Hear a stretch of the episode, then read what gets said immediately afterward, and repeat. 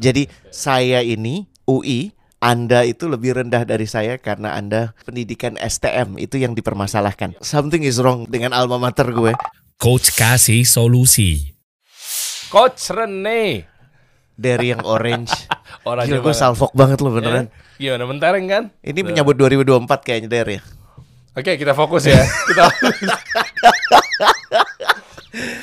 Oke kali berikut gue pakai merah Deder supaya mengimbangi lo. sorry. Gua mah koalisinya orange sama biru. Lu yang mancing-mancing sih. Lu mancing-mancing sih. Aduh. Perubahan lah. Ya, tapi yang pasti gini Der, kita bersyukur. Kenapa? Nggak kuning. Wah. eh, jangan marah dulu ya. Jangan marah dulu. Jangan marah dulu. nih nih nih nih nih gua harus bahas ya, gua harus bahas. Eh, kuningnya kuning yang mana dulu pertanyaan gue? Kuning UI. Oh, kuning UI. Kuning UI dan gue cuma ingin declare gue juga Hmm. lulusan UI, alumni UI, alma maternya itu sama dengan orang yang nulis ini. Jadi menurut gue ini kayak self kritik aja. Oke, gini dari gue ya. Hmm. Eh, gue langsung mau tajem nih, beneran. Gue nggak ada bridging bridging deh kali ini nih. Gue mau langsung tajem sama anda. Untuk biar aman gue sebutnya oknum. Nah, udah aman gue bebas di situ. Lu kenapa sih oknum-oknum anak-anak UI itu kayak ngerasa bahwa kayak kalau UI itu udah pasti masuk di eh, eh, pekerjaan yang perusahaan yang luar biasa. UI itu masuknya pokoknya harus yang per- perusahaan berkualitas. Apa sih? Kenapa sih? Maksudnya gue gue gatal gue pengen bedah. Kurang satu Apa tuh? gaji. Oh, Oke. UI harus gimana? Lanjut UI dong, harus di atas. 8 juta. Enggak lo kenapa Itu sih? 2021. Sekarang Iya, mungkin paham. 10 juta. Sorry ya, ntar gue ngomong ini gue diserang nih sama si orang-orang UI yang berkata seperti ini kan. Eh, mentang-mentang lu gak terima UI. Oke, gue akuin. Gue memang daftar Vcom Broadcast UI di tahun 2007. Alhamdulillah nggak diterima. Iya, betul. Akhirnya gue pilih London School. Kalau lo pakai baju kuning kan? Loh, tapi sebentar coach, sebentar coach. Memang iya stigma waktu dulu waktu zamannya gue SMA, orang tua tuh udah pokoknya kamu harus UI, UI itu ntar gampang cari kerja, UI itu gampang untuk ke mana-mana, apa segala macam. Oh ya oke, gue turutin. Kebetulan memang gue suka di dunia media, penyiaran dan lain-lainnya. Gue pengen jadi penyiar pada saat itu kan belum siaran kan, masih SMA. Ya udah gue daftar UI, ambil Vcom, nggak terima, lihat di koran dulu kan. Nggak ada nama gue. Gimana bang? Nggak, nggak terima mah. Udah, nggak usah tenang, tenang aja tenang. Aku pilih yang satu lagi. Cadangannya London School. Terima tuh. Bu Prita ya. Bu Prita, gue soalnya main sama anaknya tuh udah ketahuan kan gue privilege orang dalam ya. enggak, enggak, enggak lah. Gue kenal sama Gina. Iya, iya, iya, Gina iya. itu temennya, eh temen ya anaknya Bu Prita. Iya. Ya udah, tapi tetap tes formalitas apa eh, bukan formalitas maksudnya jalanin tes apa segala macam. Terima masuk. Hmm. Tapi nyatanya yang bikin podcast juga bukan anak UI. Ada anak UI bikin podcast. Ada Jo, ada. Nggak boleh juga ngomong gitu. Oh, bukan. Ini ini hati gue ini separuh nih ya. Jadi ada tercabik-cabik di sisi lain sebagai anak UI. Gue merasa juga harus membela. Tapi di sisi lain gue tahu sih banyak kekatroan yang harus kita luruskan. Nih, ada Aldan. Aldan kampusnya di Ruko. Eh, jangan gitu. Kenapa? Obama ke sana. Enggak, itu KW-nya gue Oh, KW-nya. Bintang, bintang iklan Sorry, deh. sorry dan gue membelain lo dan ya Allah. Cuma cuma Aldan bilang katanya ada juga di gedung. Tapi kan yang gue tahu kan kalau sekolah tinggi sekolah tinggi itu kan di Ruko yang yang parkiran motornya sampai ke jalan raya tuh biasa itu. Hmm. Ya, oh anyway intinya ini lagi rame banget teman-teman ya. Dari tadi maksudnya apa sih ya? Lo juga baca lah ya di judul, di thumbnail tentang anak UI yang lagi rame banget diperbincangkan. Iya. Yang memang Lagi. lagi bahkan. Iya. Hmm, lagi, diperbincangkan gara-gara dia merasa bahwa gua UI tapi kok gua nggak keterima di PT PAL. Sementara di PT PAL ini malah ada orang bapak-bapak dia nyebutnya ya, umur 30-an gara-gara cuma hanya pengalamannya di Eropa, mungkin begitu kata-katanya. Eh malah dia yang keterima. Loh, Da- j- jangan lupa eh, di Eropa dan dia cuma pendidikan STM itu yang dipermasalahkan. Oh iya, Jadi STM. saya ini UI, Anda itu lebih rendah dari saya karena Anda eh, apa tadi London School.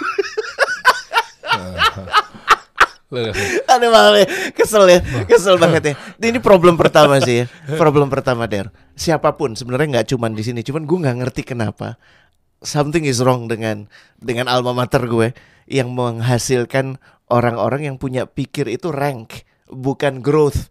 Paham bedanya ya dari? Paham, paham, paham. Makanya rank coba tuh deh. gini, Eh. rank tuh eh, juara satu, juara dua tuh rank. Huh. Eh, eh, universitas yang paling hebat, universitas yang kurang hebat, universitas yang biasa aja, itu rank. Huh. Dan gue mempunyai asumsi dengan pola pikir rank ini, gue lebih baik dari lo.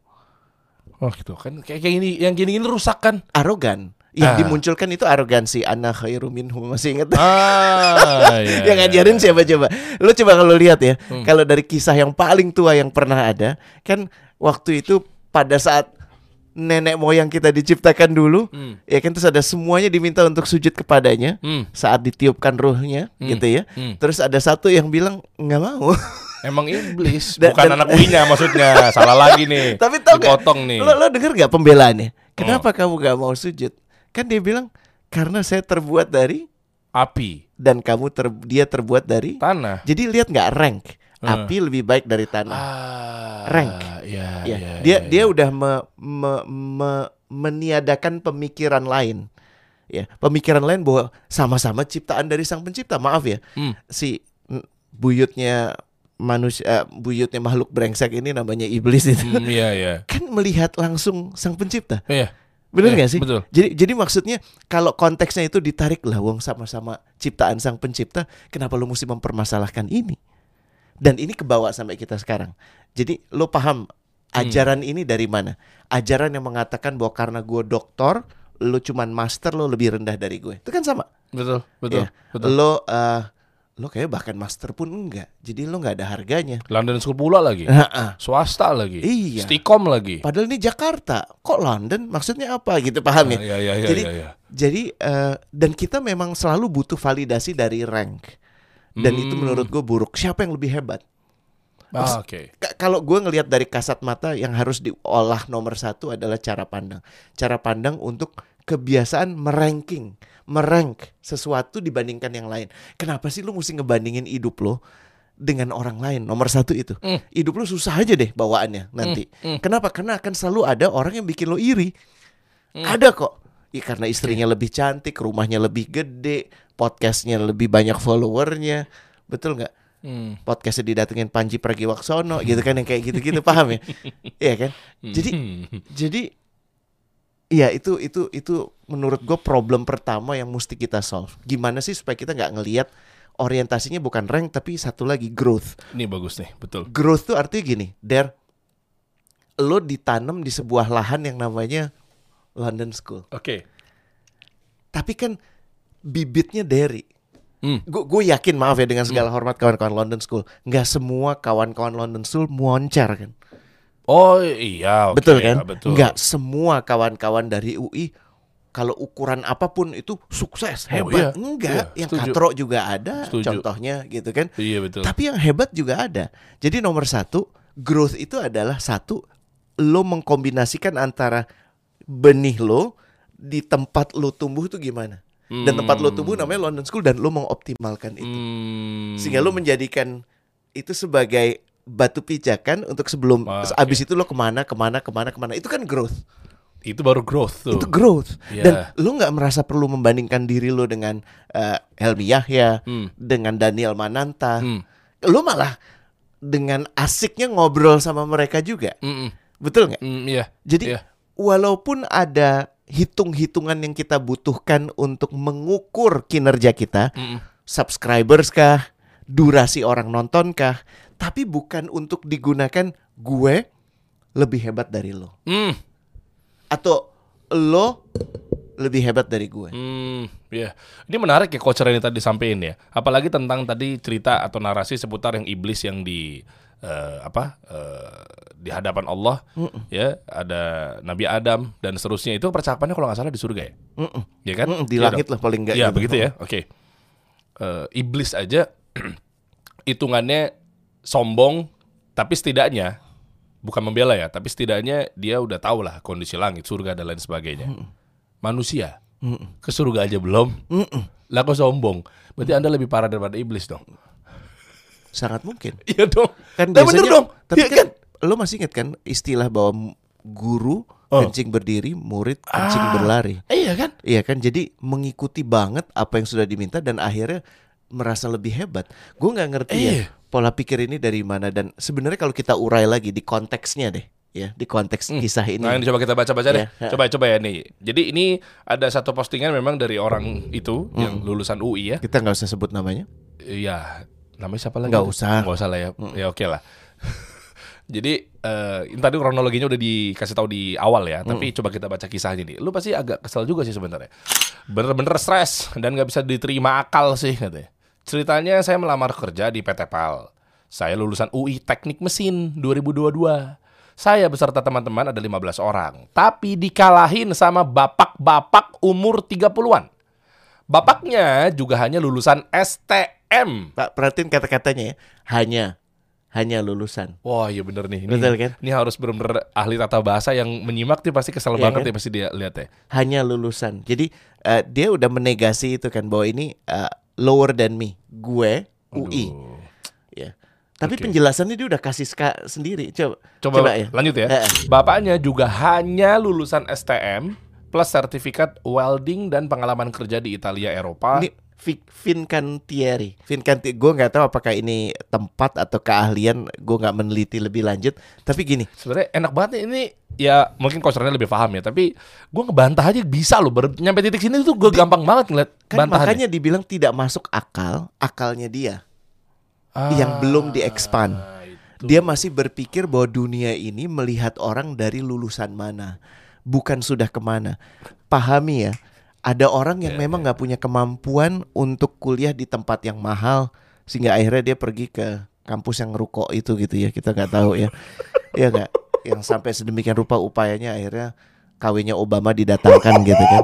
Tapi maksud gue begini, maksud gue tuh begini gue lebih menghormati etik kerja etika kerja orang yang sungguh-sungguh tahu dia bukan lulusan perguruan tinggi hebat Mm-mm. dan dia mau kerja keras untuk menunjukkan itu karena gini kan nggak bisa masuk di UI bukan pilihan dia bener gak sih Ah. kalau kalau UI punya jumlah kursi sebanyak manusia yang mendaftar bisa jadi dia masuk. semua pasti pengen masuk UI Ya ya ya. tapi kan kenyataannya nggak seperti itu. Dan juga bukan berarti bahwa karena lu udah masuk situ dan gue yakin lu juga melakukan kerja keras untuk kemudian lu bisa lulus, tapi artinya lu memandang rendah yang lain. Mm-mm, Paham ya? Betul. Apa yang 15 tahun bapak-bapak atau 10 tahun bapak-bapak itu dapatkan di Itali, mohon maaf ya.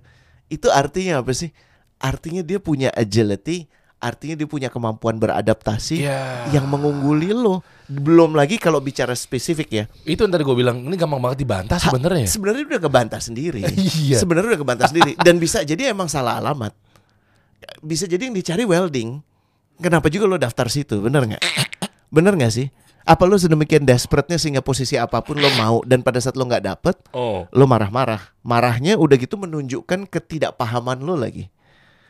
Clear ya? Lulus jadi, tahun 2022 ya. jadi, jadi ini dalam berbagai macam cara ini menarik dan gue sekarang ingin ngobrol yang poin kedua sih Der Oh. ini ini buat kawan-kawan generation Z ya Ah. dan generation eh, terut milenial juga tapi terutama generation Z lu mesti paham bahwa lu punya problem di aspek coping mechanism kalau bahasa psikologinya itu coping mechanism Eh, der kalau lo kesel karena satu deal nggak terjadi ini gue gua gua coba gue belum koordinasi sama Der ya Eh, gue iya, pengen nanya ya Aha. lo ngapain Der Ya merenung gue minta dulu sama Allah pertama kenapa.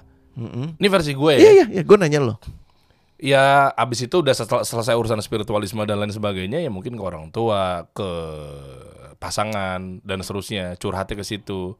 Versi gue ya. Hmm, Kenapa? Eh, lo lo perhatikan ya, Oh, oh. Derry memilih untuk curhat kepada dia yang maha mendengar, Hmm. ya kan? Iya, Curhatnya langsung aja kan, Her? Langsung aja Iya kan. kan? Di Terus ke sujud waktu ibu. sholat. Hmm. Bapak, Iyalah. kenapa ibu bapak, Der? Lah kan gue dibesarin sama dia. Ah, menarik. Kenapa istri, Der? Lah kan yang tahu gue setiap harinya kayak gimana kondisinya. Ini ini waras, paham ya? Emang yang gak waras gimana? Kalau kemudian lo kesel karena sesuatu deal yang mestinya lo dapat lo nggak dapat, Ya makasih itulah. terus lo bikin postingan no mention. Ya elah. Pa- Ini- paham nggak? Itu namanya coping mechanism. Oh, oh itu. Coping Oke. mechanism tuh gini. Resiliensi lo saat lo berhadapan dengan kekecewaan. Kecewa tuh wajar, tidak ada manusia di dunia pun Iya, iya. generasi apa pun sejak zaman Nabi Adam sampai generation Z yang tidak pernah merasakan kekecewaan. Yang membedakan Ah. how do you cope with it bahasa Inggrisnya. Cope tuh respon lo terhadap kekecewaan itu gimana? Oke. Lo merasa bahwa ini semuanya salah lo lo lo lo salah perusahaan, salah kampus, salah orang tua, salah Allah. Astagfirullah. Atau lu coba refleksi ke dalam ya Allah, aku sedih, aku pengen banget tapi nggak dapet.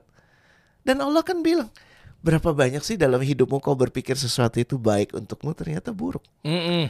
Berapa banyak sih menurut lo sesuatu itu Buruk. buruk Hmm. ternyata baik. Eh. Sebenarnya kalau kawan kita ini mau belajar lebih, ini kata kunci ya, bersyukur, Hmm.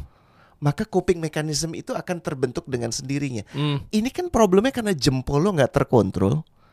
Terus menuliskan ini sehingga jadi pembahasan dikasih solusi. Hmm. Alhamdulillah sih terima kasih lo udah menyediakan diri lo jadi pembelajaran dan mudah-mudahan lo menarik pelajaran paling banyak dibandingkan yang lain. Ya. Tapi coping mechanism itu big issue di generation Z.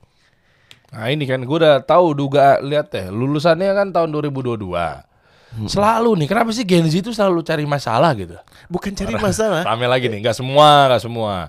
Tapi kan kayak gitu, maksudnya pola pikirnya kenapa sih? Maksudnya gue bukan membela generasi gue, millennials. Coachernya juga bukan membela generasi uh, coachernya nih baby boomers gitu ya. Iya bener kan? Iya bener gak sih? Ada yang Gue salah? gue sebelumnya dah. Gue kelahiran 11 12 sama Pangeran Diponegoro jangan lupa. Gue saksi lebih parah. hidup waktu Lebih proklamasi parah. kemerdekaan Republik Indonesia. Oh gitu loh. Yang Lo nggak lihat gue Highlander? Wih. eh, zaman dulu tuh mesti dibikin lagi tuh. Iya iya. Buat yang bisa ikut ketawa ya, artinya Iya, lo tahu. Betul, tahu ya, gue gini tahu ya. Iya maksudnya eh, kita bahas satu persatunya gini coach.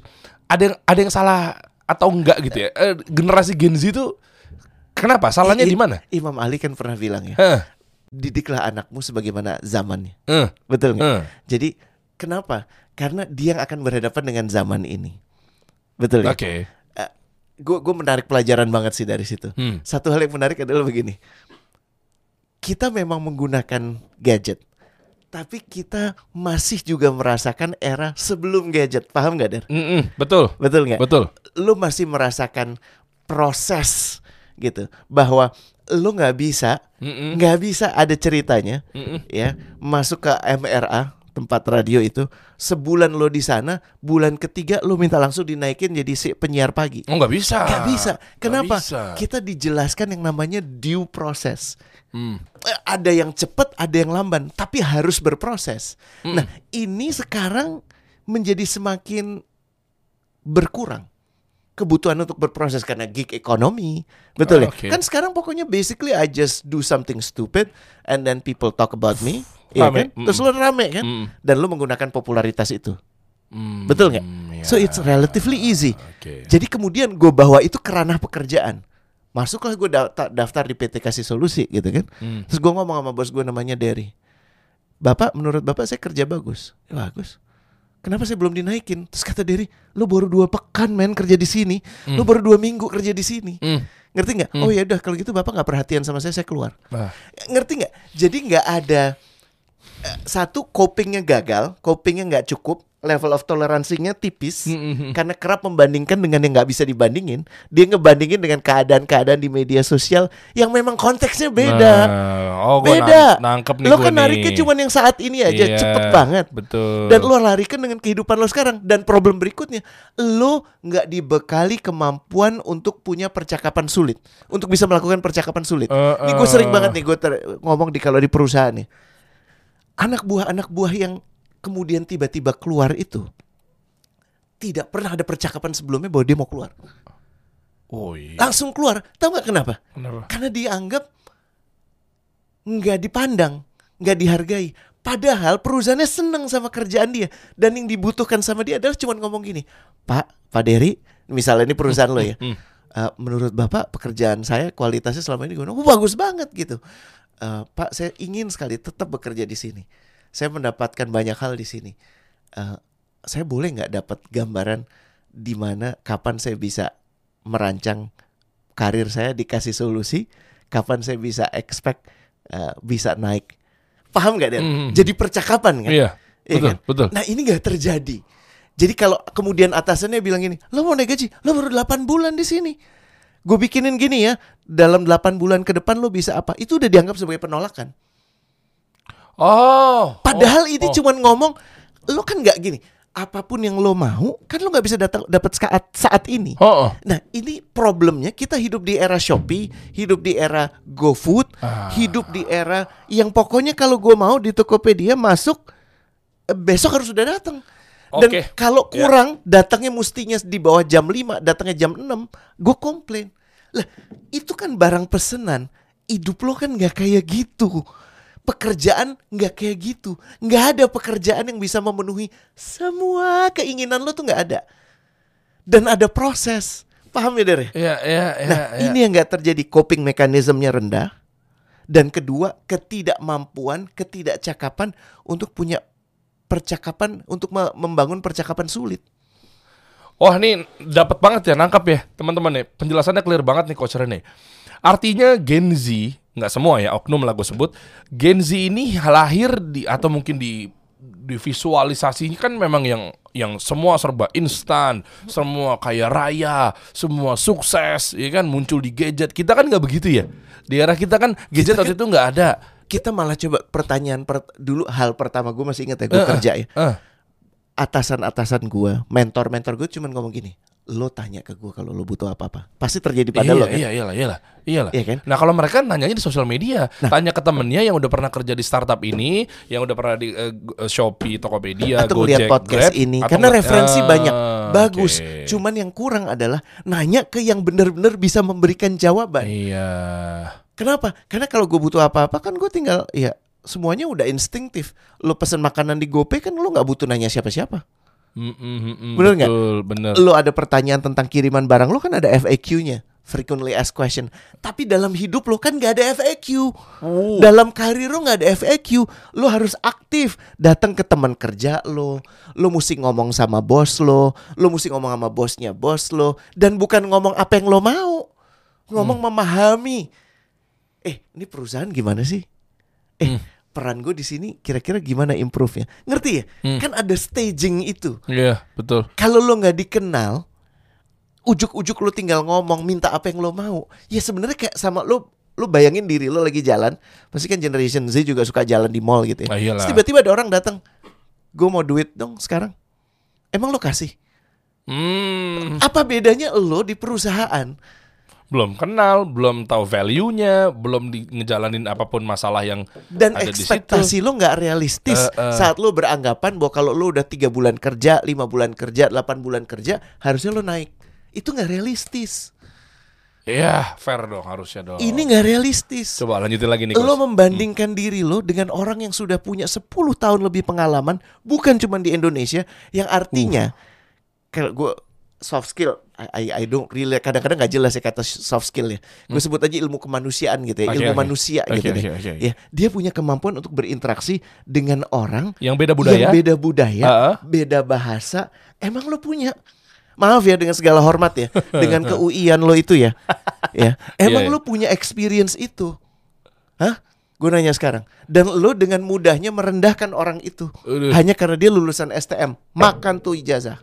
Wow, oh, totet, rotet. Eh sorry, bener. Kesel ya? bener, Kak, bener. mesti gue yang bela, kok malah gue yang nyerang ya maaf Iya, ya, ya. Tapi gue juga tadi kesel deh. Gue pengen tadinya kontra. Dalam artian gue pikir lo bakal belain UI alma mater lo coach. Gue kesel Tapi banget. memang ternyata lo Ini bikin malu soalnya. Ya ya betul. Lihat deh, lulus tahun 2022. Artinya sekarang Lo tuh belum 2023. punya pengalaman apa-apa. Jangan-jangan satu tahun Kalau dipakai. orang Betawi bilang kencing lo aja belum lempeng gitu loh. Bentar deh coach. Lulus tahun 2022 berarti lulus tuh bulan apa ya? Biasanya. Nggak paham. Itulah pokoknya ya. Mm-mm. Sekarang 2023. Berarti satu tahun. Setahun lah, Pak. Jangan-jangan setahun lu cuma ngisi lamaran-lamaran doang kali ya? Iya dan sudah merah dan, dan dan celakanya adalah gini. Dia menjelaskan gue gue maaf sekali menggunakan ini kepandiran dia sendiri Mm-mm. di sini. Gue coba lo tanya ke orang-orang yang udah punya pengalaman kerja, tanya ke mereka. Gue tanya Derry deh, Der umur lo berapa Der? 34. Lumayan lah ya dibandingin gue gitu ya. Tapi berapa, paling 50 ya kan. Oh kita cuma beda puluhan tahun ya. Iya, ya, ternyata kurang ajar banget ya. Tapi gue cuma nanya yang di 34 tahun ini, Der. Hmm. Apa yang lo dapat di kuliah? Sama yang lo dapat berinteraksi dengan orang di pekerjaan. oh, oh. Gue nanya deh, Der. Sejujur-jujurnya, Der ya. Waduh. Ya. Hmm. Mana yang lebih relevan dalam hidup lo? Oh enggak dong, jauh dari kuliah lah. Ini maaf ya, bukan gue merendahkan London School tempat gue pernah ada di sana di kampus A, B dan seterusnya gitu ya. Enggak, enggak ke situ. Tapi eh, jujur ya, ya gue rasa juga mungkin eh, student counselor gue atau mungkin Ibu Prita nonton juga memahami dalam hal ini ya. Tapi lagi-lagi bukan berarti kampusnya jelek. Bukan, bukan, bukan. Apa kampus itu bukan. Tapi ya gara-gara di kampus mungkin kita jadi membuka mata, membuka pintu untuk ke langkah berikutnya. Selama gue hidup, apalagi bisa diri di media dan seterusnya, dari kampus cuma kepake 10%, 20%. Nah, tuh.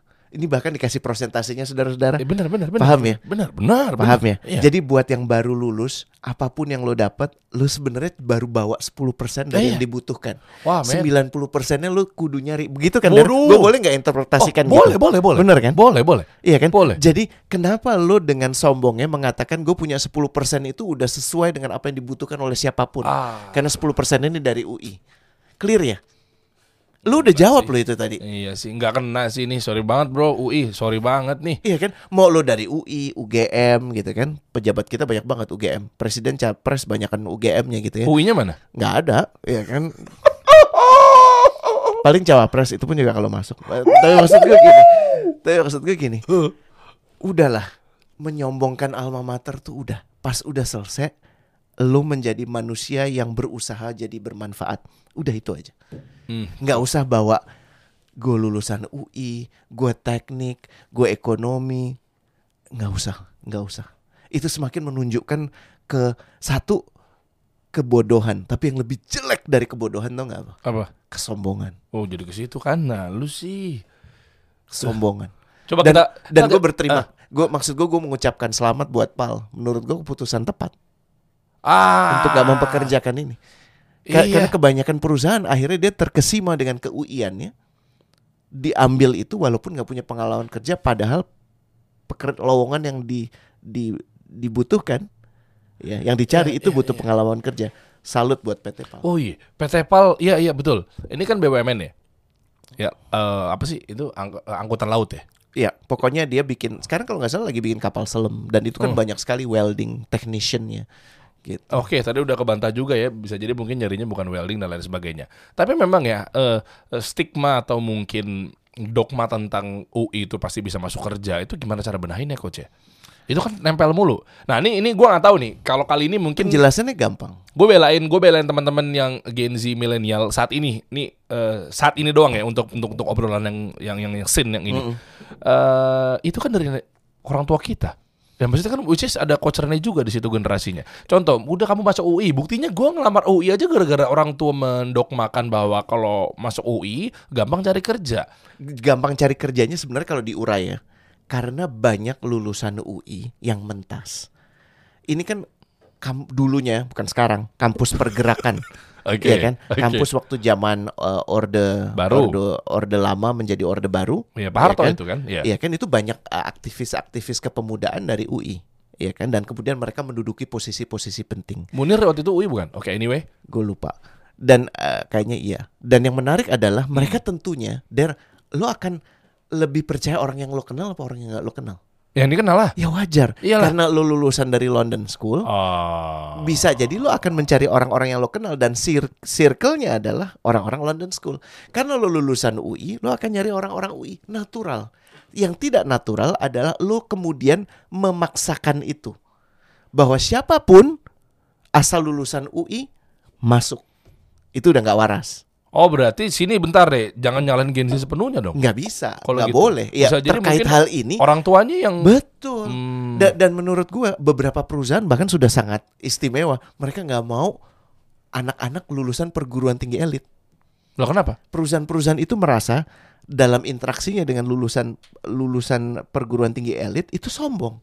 Jadi susah dikasih tahu, Hmm. susah berinteraksi. Mendingan sama ya BSI itu tadi itu yang Oh. kampusnya Obama gitu ya, Bina atau Informatika Universitas Masya Jana. Badra gitu ya. Itu apa sih? nggak tahu Universitas Ibnu Khaldun gue asal nyebut aja gitu kan mudah-mudahan ada tapi paling nggak gini tidak ada kesombongan mereka karena tidak ada yang disombongkan LP3 ya. bisa juga Iya kan nggak ada Iya, yang iya. disombongkan. Dan itu attitude yang lebih mudah untuk dibentuk dibandingkan yang datang dengan keuiannya I know everything. My 10% is enough for the whole world. Kan tadi lo bilang, Iya. lo dapet cuma 10% Iya. untuk di pekerjaan. Iya. Dan lo ngebayang nggak kalau attitude lo masuk ke MRA waktu itu atau masuk ke Indika atau ke mana aja, gue udah punya apa pun yang lo butuhkan. Terus lo diketawain kan? Masuk. Lo cuma 10% man. Malah ini kan dari lo 10% Der. Iya, iya, dari perusahaan bisa jadi satu persen bener nggak Der? Iya. Derry sih ngelihat dirinya 10% dari yang dia bawa dari kampus, tapi kami melihatnya satu persen. Mungkin nggak? Bisa. Mungkin. Bisa. Mungkin. Emang ada anak di sini karena lulusan broadcast dari UI, terus lo langsung terima, lo langsung jadi assistant vice president gitu, dikasih solusi. Enggak sih. Terus dia akan bilang, "Eh, Pak Derry, saya sudah bawa semua yang dibutuhkan untuk kasih solusi untuk menjadi lebih hebat. Terus Derry akan ngomong, ke mana aja lo selama ini? Lo udah bikin apa? Eh, Kenapa gue mesti mempekerjakan lo? Kenapa lo nggak? Kalau lo sedemikian hebatnya, kenapa lo nggak bikin sendiri? Make sense nggak, Der? Ih gila gue hari ini pedes banget kenapa ya Der? Wah, ya, ba- banyak nih. Dia half punch-nya, punchline-nya banyak banget loh. High point-nya, peak point-nya keren konsernya. Hari ini tuh lagi wow. Gue tuh pas baca ini kemarin, gue Eh. yakin lo semua pasti kan pada liburan gitu ya, Iya, iya. merayakan hari kelahiran Pancasila kan, apalagi kayak Derry kan, tuh pasti lagi merayakan hari kelahiran Pancasila banget. Lo ikut upacara, soalnya muka lo kan kayak merah gitu kan, gitu. Jadi gue pasti nggak dibales nih. Padahal gue di rumah loh. Respon gue gak dibales nih, gue yakin. Sementara gue tuh lagi, gitu. Jadi alhamdulillah Iya, iya, sekarang iya. diberi kesempatan untuk langsung menyuarakan Wih, ini. Lagi libur-libur loh kita syuting loh. ya, ya, coba lanjutin lagi ya, lanjutin lagi ya. Gue penasaran nanti kita ambil conclusionnya ya. Tadi berhenti di Eropa, tepatnya di Vincentien. eh, Thierry. Vincantieri. Mohon maaf kalau ada salah pengucapan, saya belum pernah ke Italia soalnya. Oke, lanjut. Dan yang bikin nyesek tanpa training dan langsung nego gaji aja katanya. Ya, ya iya karena dia udah melakukan itu semua Ah, gimana gimana sih lo? Gimana sih? Ah, lu yang harus di training. Satu Iya. tahun lu baru ngelamar-lamar doang paling. Aduh. Gimana sih? Itu nggak masuk akal gue tuh lebih jujur. Kalau nggak masuk akal tuh nggak masuk semua akal kan artinya. Iya iya iya iya. Bener nggak? Nggak masuk akal banget lulusan UI kalah sama lulusan STM. Eh bocah lu, bocah, bocah, bocah, bocil. Kalau Kesel kan biasa, gue. biasa lu suka apa ya? Kalau di Iya, kalau di ini kan di Nggak Instagram nyampe kameranya.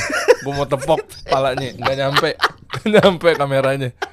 Iya kan, bocah, bocah ya Allah. Walau oke sih bapaknya punya pengalaman kerja di Eropa. Lu aja ngakuin, Paul. Dia aja ngakuin. Tuh. Apakah perusahaan sekarang tidak percaya pada sarjana-sarjana di negara sendiri ya? Ini malah bapak-bapak ijazah cuma STM diterima. Uh, cuma hanya dan, dan dan ini ya jangan salah kaprah ya sarjana tuh memang secara desain itu untuk lebih strategis dibandingkan eh, lulusan-lulusan sekolah vokasi sekolah vokasi itu yang dia mengerjakan bidang tertentu welding misalnya jadi dia belajar di eh, kayak kayak sekolah eh, sekolah kejuruan yang khusus tentang welding Hmm. kalau sarjana itu memang peruntukannya lebih strategis. Dia mungkin punya pemahaman tentang welding, dia mungkin punya pemahaman tentang aspek-aspek lain dari engineering, Iya. tapi yang khususnya adalah dia untuk yang lebih strategis. Cuman kestrategisan lo itu nggak berguna. Gue ulangi, Tuh kena kena ini pick point lagi nih. kestrategisan ilmu lo itu nggak berguna kalau lo nggak mengawali itu dari hati yang tawadu, dari hati yang rendah hati. Oh, oke. ya dari keinginan untuk belajar dari kesungguhan untuk mencoba dan artinya lu mesti coba satu-satu gue kebetulan beruntung punya interaksi dengan beberapa taipan nggak semua Sembilan naga. nggak bu- bukan ada satu sih tapi maksud gue gini Hmm. mereka mendidik anaknya untuk nomor satu setelah selesai kuliah bekerja di perusahaan yang bukan perusahaan dia. Bukan perusahaan grupnya. Hmm, Oke. dua tiga tahun di mana dia nggak bukan siapa-siapa mulai dari entry level harus cari kerjaan. Abis itu pas masuk di perusahaannya dia mulai dari posisi bukan posisi paling tinggi bukan didudukkan langsung jadi direktur. Di di middle di middle one. Oh iya? yes kenapa supaya dia bisa mengerti gimana organisasi ini bergerak denyut organisasi ini gimana Oke. dan ini untuk bisa kemudian sampai di posisi direksi anak umur 30 tahun itu kan muda ya. Tapi kalau lo ukur dari kelulusan dia, dia udah punya pengalaman 10 12 tahun loh. Iya, iya, iya. Bener nggak? Iya. Jadi iya. jadi dibukakan ruang paling penting untuk dia belajar dan gak songong. Kan dia bisa aja maaf ya kalau gue me- mensituasikan kayak gini. Apa gunanya punya bapak Taipan? Gimana sih nggak melihat harga anaknya? Ditaruh di Stanford, abis itu disuruh cari kerja sendiri. Buat apa? Apa gunanya gue jadi anak konglomerat kalau ujung-ujungnya kerja di orang lain? Dan kerja di orang lain juga gue nggak dapat kekhususan apa-apa, gue harus nyari sendiri. Paham nggak? Oh, Sa- iya. sama nggak? Bisa aja dong dia ngomong Sama gitu. Dan? Sama banget. Cuman kan Betul. kita nggak lihat itu kan? Kenapa? Ya. Karena coping mekanismenya lebih kuat. Gue yakin kalaupun ada kekecewaan itu lo telan aja dulu. Ada hal yang perlu lo telan, ada hal yang perlu lo diskusikan, dan yang pasti tidak ada. Gue ulangi ya, nggak ada satu hal pun ya yang memungkinkan lo untuk nyampah kayak begini. Mm, mm, mm, mm, mm. Mm. Keren gue cerita nih. Gue jadi inget kemarin gue ngundang CEO Bluebird. Ah, Ah, Pak Sigit. Pak Sigit berarti Udah, abang- udah kemari? Udah, udah, udah tayang juga kan kemarin eh, semalam. gue ya? belum, gue belum lihat. Udah Terus? semalam semalam. Eh, Pak Sigit, kakaknya Pak Indra, Mm. suaminya Nikita Willy. Oke, Eh, eh, beliau cerita waktu itu kan punya neneknya, Bluebird tuh dari awal. Neneknya ya terus punya anak 2 sampai tiga orang yang ngurusin Bluebird. Di antara anak dari neneknya ini berarti kan bapaknya Pak Sigit dong. Ya kan bapaknya. Berarti neneknya perempuan nih, ibu-ibu nih Masya Allah. Punya anak, tiga lagi ngurusin Bluebird. Salah satunya bapaknya Pak Sigit, Pak Indra gitu. Ya kan. Turunin lagi berarti ke Pak Sigit. Tahu nggak Pak Sigit di, si- di Bluebird itu kerja jadi apa? Apa?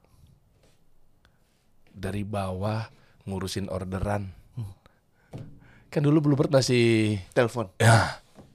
Terus ya kan maintenance. Waduh, dari dari dari trainee, dari bawah terus ngurusin orderan. Wah, ini em, ini pakai boleh- apa nih? Ya? Boleh nggak lo simulasikan Sigit ala-ala ini gitu, Pak Sigit ala-ala ini? kayak udah kayak tadi. Kayak tadi. Udah, udah punya banyak maskapai. Kenapa gua rasa ngurusin armada sih? Pasti gitu kan? Tulisannya begitu kan? Cuman nggak gitu kan dia. Enggak gitu. Ya udah gua belajar. Oh, Kalaupun dia ngerasain itu dia telan aja kan. Iya betul. Telan aja. Oh berarti gini. Akhirnya dia banyak kasih tahu tuh insight-nya. Bluebird dulunya dari mulai telepon, akhirnya belum ada argo. Dia ngurusin tuh. Oh berarti oh berarti pakai argometer kayaknya ya. Di luar tuh ada pelan-pelan tuh. Jadi dia menemukan masalah gitu coach. Nah akhirnya Pak Sigit beserta Pak Indra dan lain sebagainya gitu ya, abang-abang atau mungkin orang tuanya, akhirnya eh, koordinasi kolaborasi. Oh kalau nanya eh, masuk ke taksi terus nanya tiba-tiba ke sini ke berapa ini? Bedanya apa sama yang pada umumnya gitu kan? Belum ada tuh nawar-nawar biasa dari jendela tawar. Ke blok M ya 40 ribu ya 30 ribu ya. Oh nggak mau lewat. Dulu kan begitu. Akhirnya punya ya. Ini harus ini. Nah Di fix kan. tuh difixin harusnya nih oh akhirnya ketemu ide sama anak sama bapaknya gitu kan. Sama neneknya tentunya. Oh berarti pakai yang namanya meteran nih biar gampang nih. Impor dari luar. Masukin alatnya begini cekrek udah. Terus lama lagi gimana cara nunjuk arahnya ya? Ada driver yang mungkin nggak tahu ya. Oh berarti ini, ini, ini, GPS keluar. Terus gimana caranya ini ya? Satu persatu gitu loh. Lo nggak ngurusin hal itu kan bukan perkara strategis saja itu perkara perintilan Oh, bahkan tapi iya. punya pengaruh besar terhadap hal yang strategis. Iya. Kalau lo nggak mengalami itu, lo nggak memulai itu dari bawah, eh, lo nggak akan tahu. Hmm. Kalaupun lo jadi bos, lo jadi pemilik lah. Tapi lo jadi pemilik yang nggak berguna, nah itu pemilik yang gampang dikadalin, padahal bisa aja kan si- eh, keluarganya kan suruh orang aja. Ya suruh orang aja ya udah saya kan anak Tua. ah iya kan papa kan anaknya nenek ya udah aku tempatin aja manajer langsung kan Iya. tinggal bayar ada nggak cash flow-nya aman nggak aman sih kan bisa Hmm. sebetulnya makanya kemarin pas lagi rame juga beliau langsung nggak ada rencana agenda kan kita klarifikasi kan kemarin kan sempat nyupir driver Bluebird itu eh, itu CEO PR stand atau gimana gitu. Iya, taunya nggak ada sama sekali Hamin satu. Hmm. Hamin satu ngelihat bahwa kok mungkin ada sisi eh, oknum-oknum driver yang begini misalnya, apakah malas apa segala macamnya. Siapin mobil dong besok saya mau coba eh, bawa nih, mau coba lihat di lapangan seperti apa sih. Iya kan, apakah memang gara-gara mungkin kemacetan yang terlalu masif apa segala macam, akhirnya mungkin eh, bagaimana nggak mood di jalan apa segala macam, dicoba jalan. Hmm. Selesai udah. ada kepangkalan-pangkalan. Mesti dia merasakan CEO saat ini beliau akhirnya dia harus tahu tuh turun ke lapangannya seperti apa. Ngeliat dari sisi yang hijau ya, positif teman-teman ya. Menurut gue itu waras sih. Pendekatan itu humanistik banget dan Hmm. dan emang harusnya seperti itu.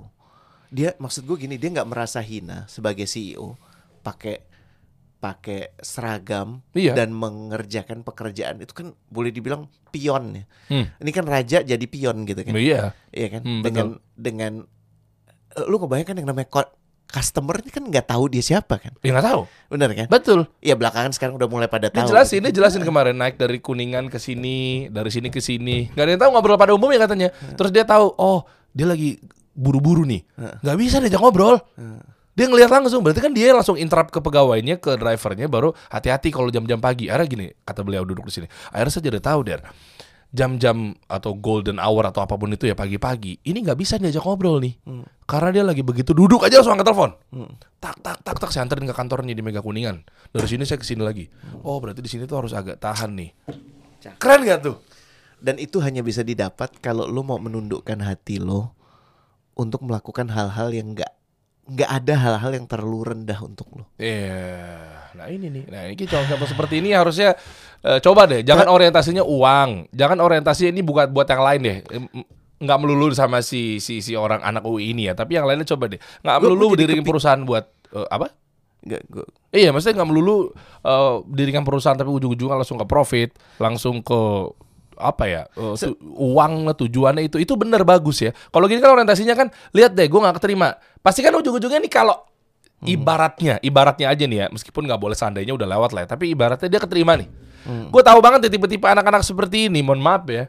Nanti ujung-ujungnya langsung masalah gaji lagi tuh. iya. Kan kita pernah bahas juga. Gitu ya kan? Oke, kamu keterima. Wah, hore, ha, rasakan lo wajar lah lo cuma tamatan STM. Gue tuh eh, 30 tahun lah lah, gue paling jago. Duduk. Oke, terus gimana jadinya? Pak, kapan saya kerja? Pasti itu tuh pertama tuh. Dan yang kedua, eh, gajinya kamu mulai dari segini ya. Eh, kenapa ya, Pak ya? Saya kan lulusan UI. Itu lagi di bawah tuh. Dan akhirnya 8 juta itu keluar ya atau 10 setengah ya sekarang ya. Eh, gue gue gue jadi Sebenarnya profit barusan gimana sih coach? Ngatur kayak misalnya perusahaan tadi gue lagi analogikan ke sebuah perusahaan ya. Ngatur tentang tujuannya tuh kayak tadi misalnya tujuannya pokoknya kalau gue lulusan UI masuk ke perusahaan BUMN atau mungkin perusahaan berkelas gitu. Sama nggak dengan halnya dengan kalau dia nggak tahu cara tujuannya dirin perusahaan ya pokoknya gue orang media. Gue 15 tahun di media. Oke? Oke mana? Yuk sini investor. Terus kenapa? Ya udah, duit lo dong gue minta 5 miliar. Nih proposal gue. Kenapa gue harus naruh di tempat lo, Der? Lo gue udah dari media, gue udah lama di media, gue 15 tahun. Misalnya gitu. Atau mungkin gue lulusan UI broadcast, man. Ya misalnya kayak gitu lah, anggaplah gitu. Ya udah, berarti gimana rencananya 5 miliar? Ya pokoknya 5 miliar lo akan jadi segini. Emang kenapa, Der? Lo kan lulusan UI. ya kan gitu kan. Lo kan gue lulusan. ya udah duit lo, lo transfer ke sekian. Otomatis gue lulusan, lo bayangin dong broadcast di UI berarti kan keren banget dong. Berarti kan kalau taruh duit lo 5 miliar, berarti nanti tahun depan akan jadi 10 miliar. UI. No one can guarantee that. Nggak ada yang bisa memastikan itu juga kan. Tapi gue tadi baru terbesit satu pemikiran deh. Mungkin kasih solusi sebagai secara natural kan kasih solusi memberikan solusi. Ya. Gue yakin baik individu. Sekarang gue coba berempati ya. Hmm. Itu nggak ngerti mesti gimana. Demikian pula dengan perusahaan. Setuju, setuju. Nggak paham dia mesti gimana. Oke. Eh, kita bikin yuk satu kegiatan. Ini kita tanya aja kawan-kawan yang menyimak obrolan hari ini. Menurut gua, gua tadi sampai catat. Kita butuh karena, karena menurut gue gini, perusahaan tuh punya kesempatan bagus untuk melatih human skills. Hmm. Human skills yang paling simple gimana sih untuk bertanya? Ini mungkin buat lo sama gue ini kan no brainer banget gitu ya. Hmm. Karena kalau perlu Der ngapain lo pakai topi oranye gitu kan? Hmm, Ya kan hmm, itu kan itu normal banget. Hmm, hmm. Cuman mungkin untuk orang-orang yang sibuk di sini itu sesuatu yang luar biasa gitu yang dia nggak paham bahwa lu bisa lo sebenarnya nanya atau ada lo yang bisa lo tanyakan ada juga yang nggak pas lo tanyakan ini kan bisa dibahas Hmm, iya. bener ya betul, terus betul. kedua eh, berhadapan dengan stres dan eh, kekhawatiran ini kan anak stres nih dia ngaku sendiri benar-benar stres betul. bener nggak Jangan marah dibilang Ja- anak ja- stres, lu jadi- sendiri yang bilang stres. Jadi begini, coping mechanism itu bisa diajarkan.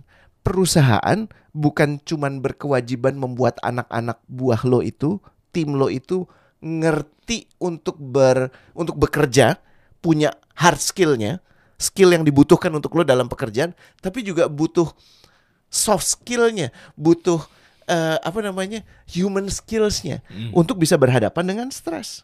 Ya. Nah, satu lagi berhadapan dengan distraction supaya bisa dapat fokus. Ya. Itu tuh juga ilmu-ilmu tuh. Bagaimana untuk punya terakhir yang tadi kita bilang, how to have a difficult conversation. Oh. Bahwa lu boleh me- me- memulai percakapan yang lu rasa sulit dan lu nggak perlu a priori dan ber- ber- menjadi reaktif pada saat bos lu tidak menjawab sesuai yang lo inginkan. Ini, ini kan bisa dilatih, Iya, iya. ya kan? Jadi nggak masalah dong ngasih feedback ke bos. Eh, eh kayak gue nggak setuju nih. ya. Cuma mungkin cara latihan Kan ada latihan caranya, ada cara caranya. Jadi menurut gue gini, kenapa nggak kasih solusi kita? Hmm. Kita coba usung aja satu series terkait ini, ya, ya kan? oke. Uh, dealing with Generation Z dan nasihat untuk Generation Z mesti gimana? Kalau menurut lo ini baik, Hmm, Iya, betul. tulis di komentar. Setuju nih. Nih gue jadi kepikiran bahwa misalnya ada seorang bos atau pemilik perusahaan ketika memang bukan terlanjur ya, oke lah terlanjur atau ingin mengambil anak-anak Gen Z untuk dipekerjakan di perusahaannya dengan maksud ya. Jadi kan dengan maksud pengen ini perusahaannya biar lebih melek lagi digital. Ini perusahaannya agar lebih gacor lagi jalannya, ngebut lagi, lebih moncer lagi gitu kan. Nah, tapi jangan-jangan keputusan itu dari si pelaku usaha salah. Bisa Gara-gara mungkin Nggak siap. Iya. Dan nggak siapnya itu bukan secara teknis, tapi non teknis. Lo nggak pernah nyiapin tim lo untuk punya coping mechanism yang sehat, sehingga dengan ukurannya apa? Banyak yang rontok, banyak yang keluar tanpa alasan yang jelas. Karena mereka nggak mau ngomong dan nggak tahu mesti ngomong gimana. Hmm, Nah, hmm, ini menarik betul. nih. Betul. Soalnya mindsetnya ya udah dengan anak-anak muda di perusahaan gue, ya udah berarti tujuannya profit tercapai. Gas, gas, Exactly. gas, gas, gas, gas. Taunya cara mencapai profit itu ternyata banyak mengorbankan hal-hal yang memang ternyata eh, manusia misalnya atau mungkin efek lingkungan misalnya, itu kan. Kita kan pengen bikin yang profit with purpose itu, Iya, betul. kan? Hmm. Tapi di sisi lain, kalau lo memang butuh ini, ya kita bisa adakan secara khusus. Hmm, boleh, ya. boleh. Info tentang profit with purpose tentunya ada di di sini juga. Itu dulu aja coach, fokusin di situ dulu. Nanti dari yang lainnya kita Baru bikin kita expand dari monthly, situ ya. iya, bikin bulanan apa segala macam nggak masalah. Maksud gua kenapa? Karena ini sayang banget. Isinya pun juga orang-orang yang beraneka ragam dalam artian yang Hmm. Punya yang pengalaman punya- kerja, oh pasti. CEO, founder, udah melalui banyak hal. Menarik Termasuk lo. nih. Ah, masya Allah, masya Allah, bismillah. Tetapi menarik juga nih coach. Kalau memang salah satu pemateri kalau masih ada slot di kita mau punya kelas tadi kan, yang kita kasih solusi jadi bareng nih, sesuai dengan tagline kasih solusi kan kita kasih solusi gitu kan. Nah, eh, undang deh kalau memang ternyata ada nih bapak yang umur 30-an itu. Gue mau tahu dengan pengalaman yang memang luar biasa, masya Allah. Kalau dari cerita nih ya, dia ke Itali tentang welding apa segala macam, minimal bisa digali. Eh, gimana sih cara lo bisa tembus ke PT PAL, ya kan? Selain membawa, oke, ada pengalaman-pengalaman yang luar biasa nih. Kalau lo adalah bapak-bapak itu, Iya, iya. kita kan nggak tahu dia siapa. Oke, oke, Iya. oke. Dan lo adalah PT PAL. Gue Ah. juga pengen ngobrol sama PT PAL-nya Boleh, soalnya. dua-duanya Iya aja. kan? Jadi dari sudut pandang PT PAL, ngukur nih purpose-nya kalau gua ambil orang ini, pasti kan ada hal-hal positif dong buat perusahaan, apalagi BUMN nggak bisa sembarangan dong, ya kan? Nah, terus dari sudut pandang si bapak yang 30-an anak lulusan STM ini, Heeh. gimana caranya? Kok bisa apa interview? Tapi di sini sih dibilangnya katanya langsung nego gaji. Oke, tanpa training. Ya pasti kan ada kan obrolan dong pada saat ngelamar kan. Gimana caranya lu bisa masuk ke PT PAL dengan hanya lulusan STM gitu loh? Mm. Saya, saya kita kan nggak tahu ya siapa ini. Nah, coba Kalau komen deh. Lo punya Temen. punya link akses untuk tahu siapa ini dan lo adalah rekanan atau lo bagian dari PT PAL, Boleh. obrolin sama bos lo. Mm-mm. Kami sangat tertarik untuk ngobrol gitu ya. Iya, be- wah, betul. Dan dan sebenarnya kronologi yang di dalam itu seperti apa? Iya. Kayak sekarang kita lagi syuting ini kan Keren pasti kan ada pembahasan gua. internal kan. Heeh. Ini Iya, keren sih PT keren. PAL-nya keren menurut gue. Nah, artinya kan dia pasti memikirkan gak cuma hanya profit. Profit Yes. iya. Ya. Dengan hadir orang di sini akan membantu profit, apalagi Yes. buat negara kita. Tapi with purpose. Nah, ya Cakep. cek deh di deskripsi di bawah teman-teman udah kami sediain linknya. Teman-teman tinggal daftar aja tapi sayangnya mohon maaf sekali lagi hanya 100 orang 100. pertama doang dong ya. Ya. Betul ya? Wah, itu dia tuh termasuk nanti akan ada coach Rene, saya. Tiga bulan pelatihannya bro. Tiga bulan ya? Oh, dan bertemu Allah. dengan 30 uh, mentor dan speakers, founders, Ini kayaknya CEO. Bukan hanya pengalaman aja beliau-beliau dari Pak Kita Budi coba. Isman. Pak Budi Isman kan lama tuh di banget Coca-Cola ya. banget Waduh. Sari Husada Sari Coca-Cola Husada, Coca-Cola. ada Pak ya our favorite Pak Sudirman Said Waduh. Lo masih ingat Pak Willy Sabandar yang dulu di eh, apa di MRT? Ya, Itu juga akan ada hadir. juga ya. Ada juga Pak Willy Silent dari Unilever. Oke. Gitu. Mereka-mereka tadi disebutkan. Ya. Pak Budi Isman, Pak Sudirman Said, Pak Willy Sailan, Pak Yal. Heeh. Pak Terus- Iyal. Terus si- siapa lagi? Eh, ba- ada ada Boris Hasian, Ah. salah satu orang yang jago banget di UI UX. Oh iya. Iya kan? Banyak loh orang-orang berpengalaman Banyak situ ya. banyak banget. Lulusan UI apa bukan? Ih gue nanya kok ketawa sih Gue nanya Gue nanya Pak Sudirman Said yang udah pernah menjadi menteri Republik Indonesia ESDM Lulusan mana? Dia dari STAN, Oh Sekolah Tinggi Akuntansi, Pak luar negeri. Pak Willy Silent Gak tahu. Rene Suhardono UI. Oh ada juga ya ternyata ya Satu tapi ya Coach kasih solusi.